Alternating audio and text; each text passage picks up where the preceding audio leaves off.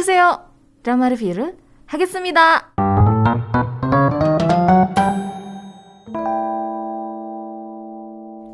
Oke, langsung aja limited series dari Netflix yang berjudul The Bucket atau dalam bahasa Korea itu Sunsan. Ini um, satu original series yang mengusung beberapa genre sekaligus. Ini tuh tipe drama dark yang bakalan bikin kita tuh nebak-nebak sepanjang nonton. Kayak pelakunya dia deh, tapi kok si ini mencurigakan nih ya gitu.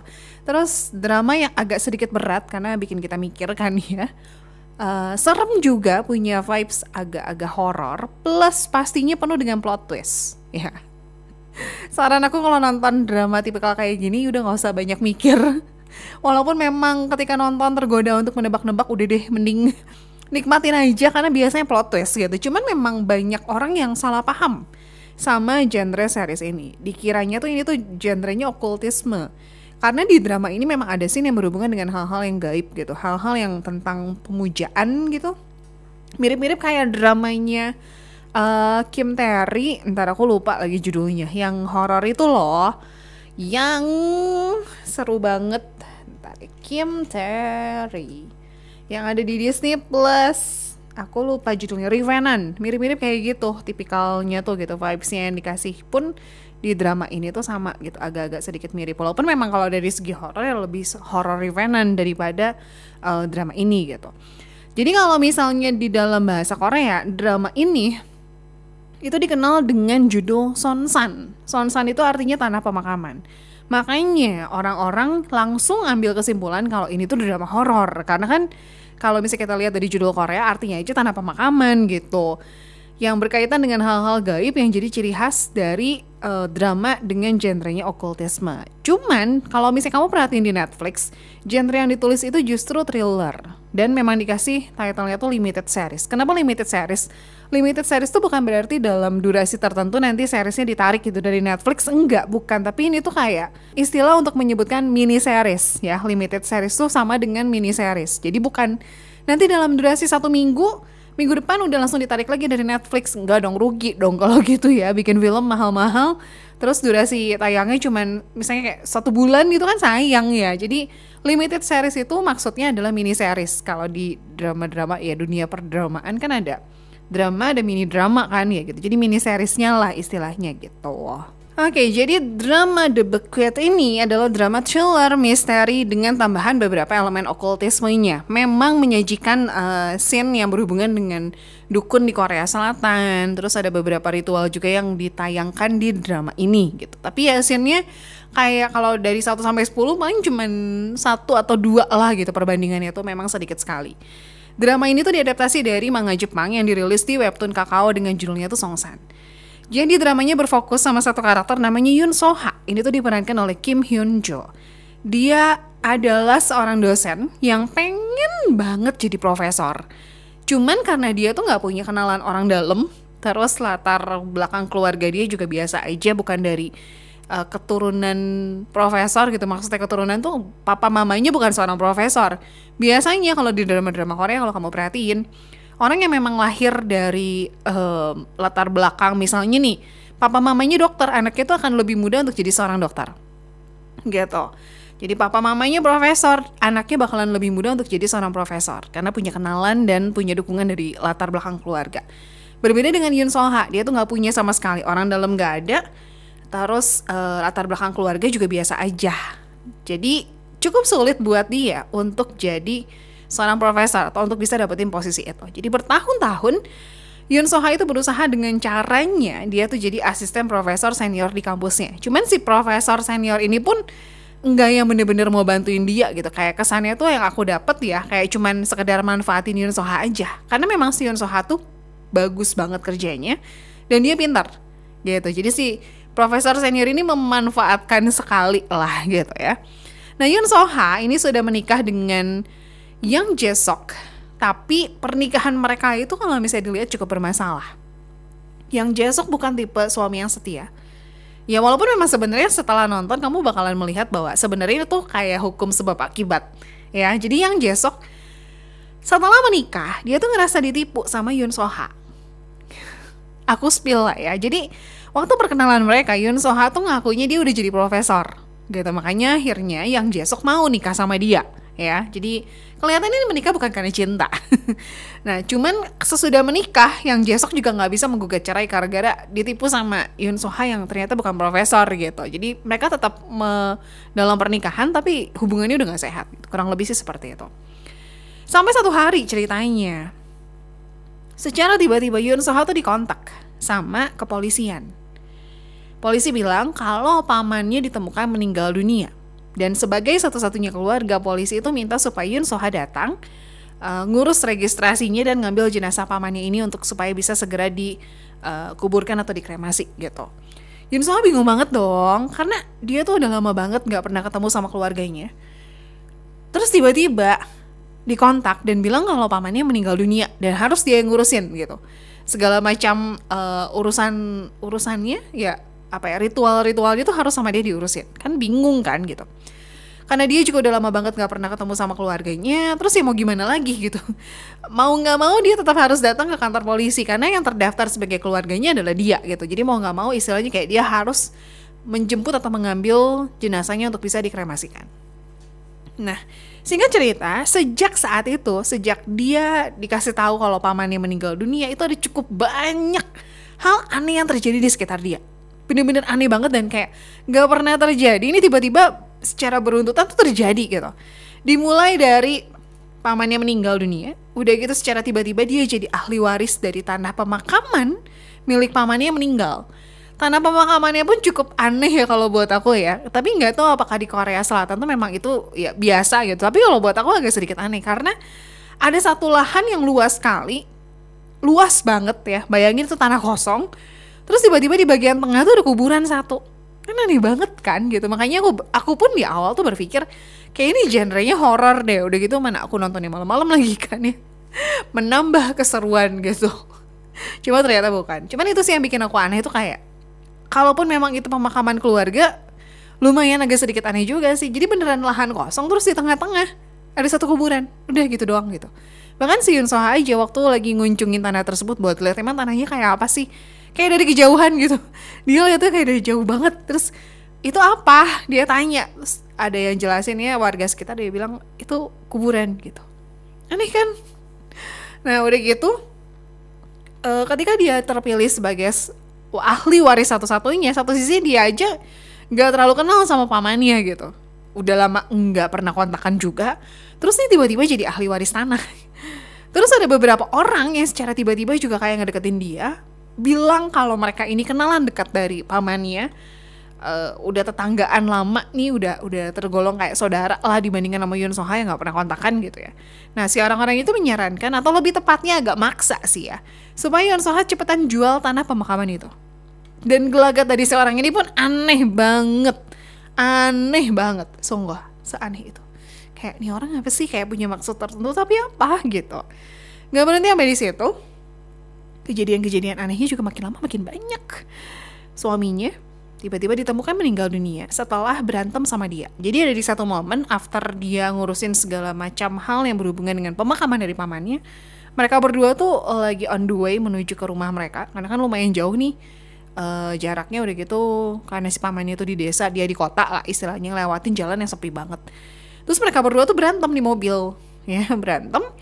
Udah gitu karena pada saat itu Yun Soha yang nyetir suaminya habis minum alkohol seingat aku. Kan di Korea Selatan tuh ada aturan uh, kalau misalnya habis minum alkohol itu nggak boleh nyetir kan. Nah jadi Yun So yang nyetir terus mereka berantem uh, dia nurunin suaminya di tengah jalan dan itu tuh beneran kayak di tanah kosong gitu loh.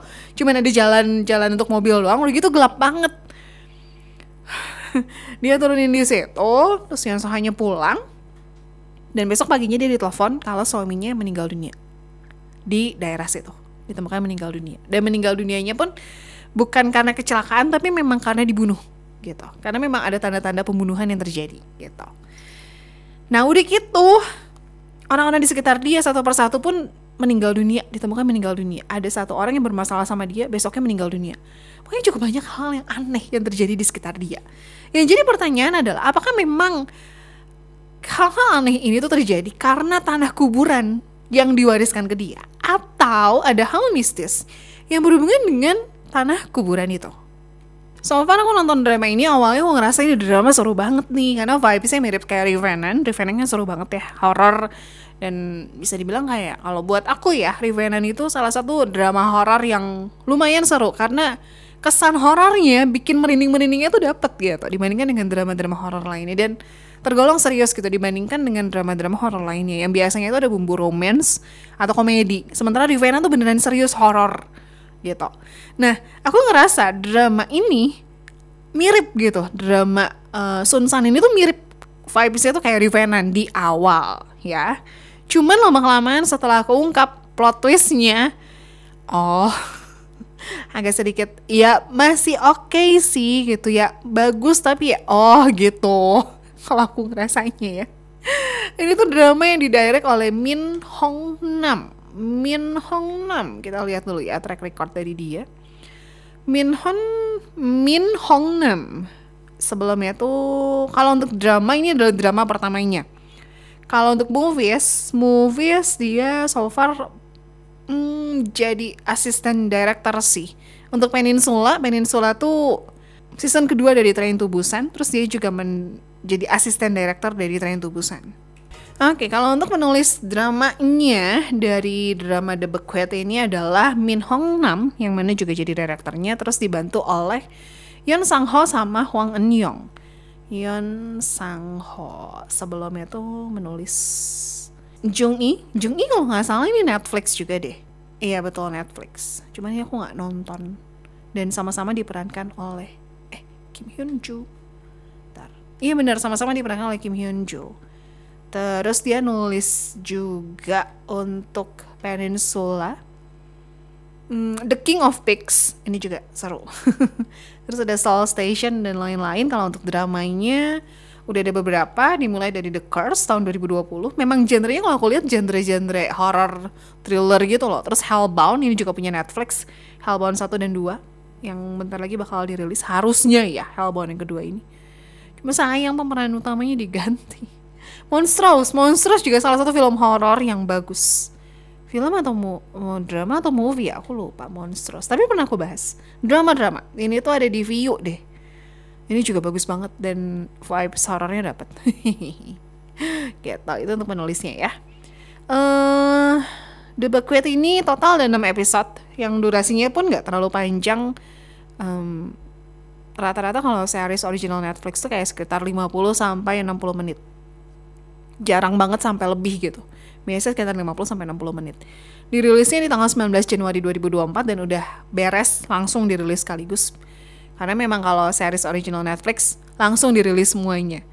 Gitu. Karena ini limited series, seperti yang tadi aku bilang, biasanya tuh um, endingnya tuh lumayan jelas gitu, nggak gantung. Kalau misalnya series original Netflix, beberapa ada yang open ending yang bikin kita tuh ini ngapain ya selama ini berjam-jam nonton drama ini gitu. Karena endingnya gantung dan ya ada yang lanjut ke season yang berikutnya tapi ada juga yang stuck gitu yang udah aja itu open ending ya udah open ending gitu. Terserah gimana penontonnya gitu. Nah kalau ini limited series yang punya ending yang cukup jelas gitu memang dari awal ya endingnya seperti itu gitu.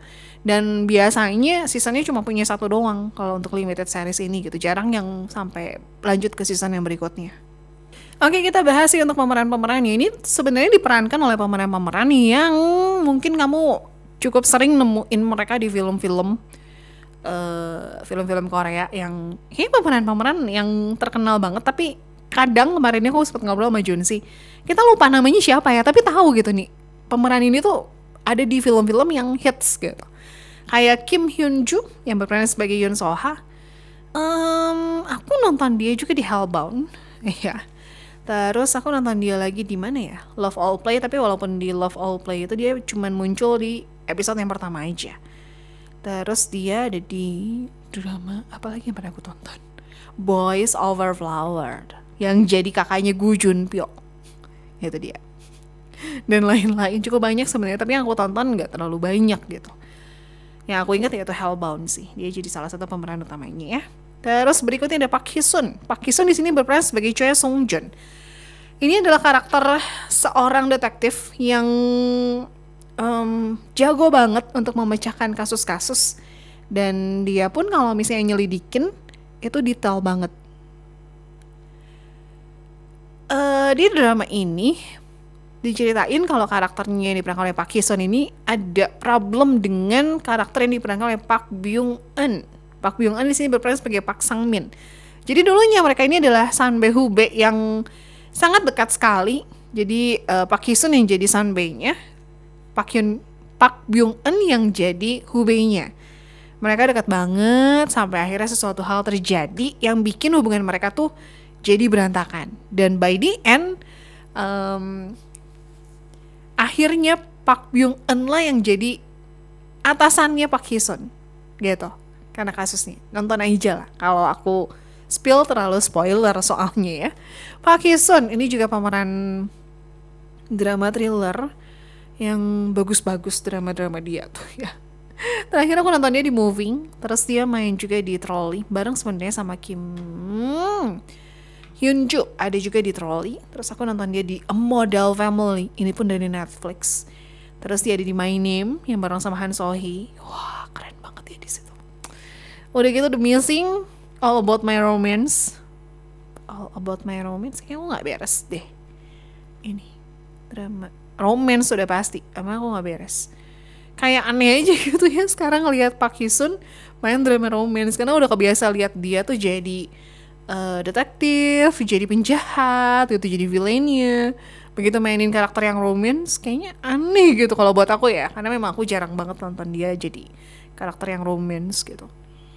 Terus berikutnya untuk Park Byung Eun, Park Byung Eun juga nih mainnya di drama-drama hits guys. Dia main di Destined with You, jadi raja. Walaupun memang munculnya cuma satu episode. Dia main di Moving juga. Moving ini adalah perkumpulan aktor-aktor. Yang diperankan oleh perkumpulan aktor-aktor papan atas ya.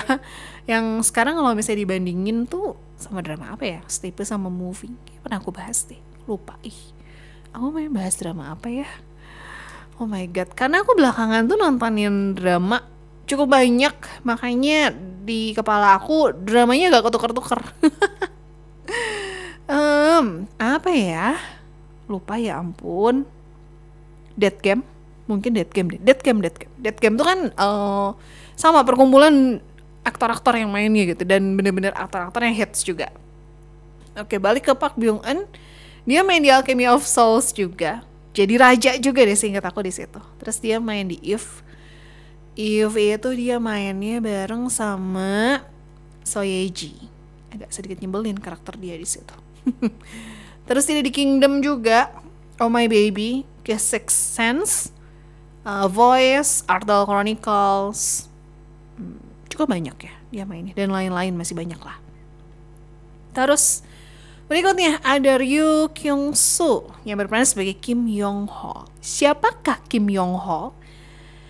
Aku spill sedikit ya. Jadi pada saat Yun Soha lagi mengadakan pemakaman untuk pamannya, tiba-tiba muncul satu karakter namanya Kim Yong Ho yang aneh banget gelagatnya dan kalimat yang dia bilang ketika ketemu sama Yun Soha adalah Nuna, aku adikmu. Aku juga berhak atas tanah pemakaman itu. Hmm, gitu. Udah itu aja yang bisa aku spill. Sisanya nonton sendiri ya karena kalau aku banyak spill nanti nggak rame kalian nontonnya. Uh, Ryu Kyung Soo sebelumnya tuh dia main di Tale of the Nine Tailed 19 uh, 38 karakter dia di sini ya sama Idong Wook aduh ya ampun ngakak banget sungguh selucu itu terus dia main juga di Hellbound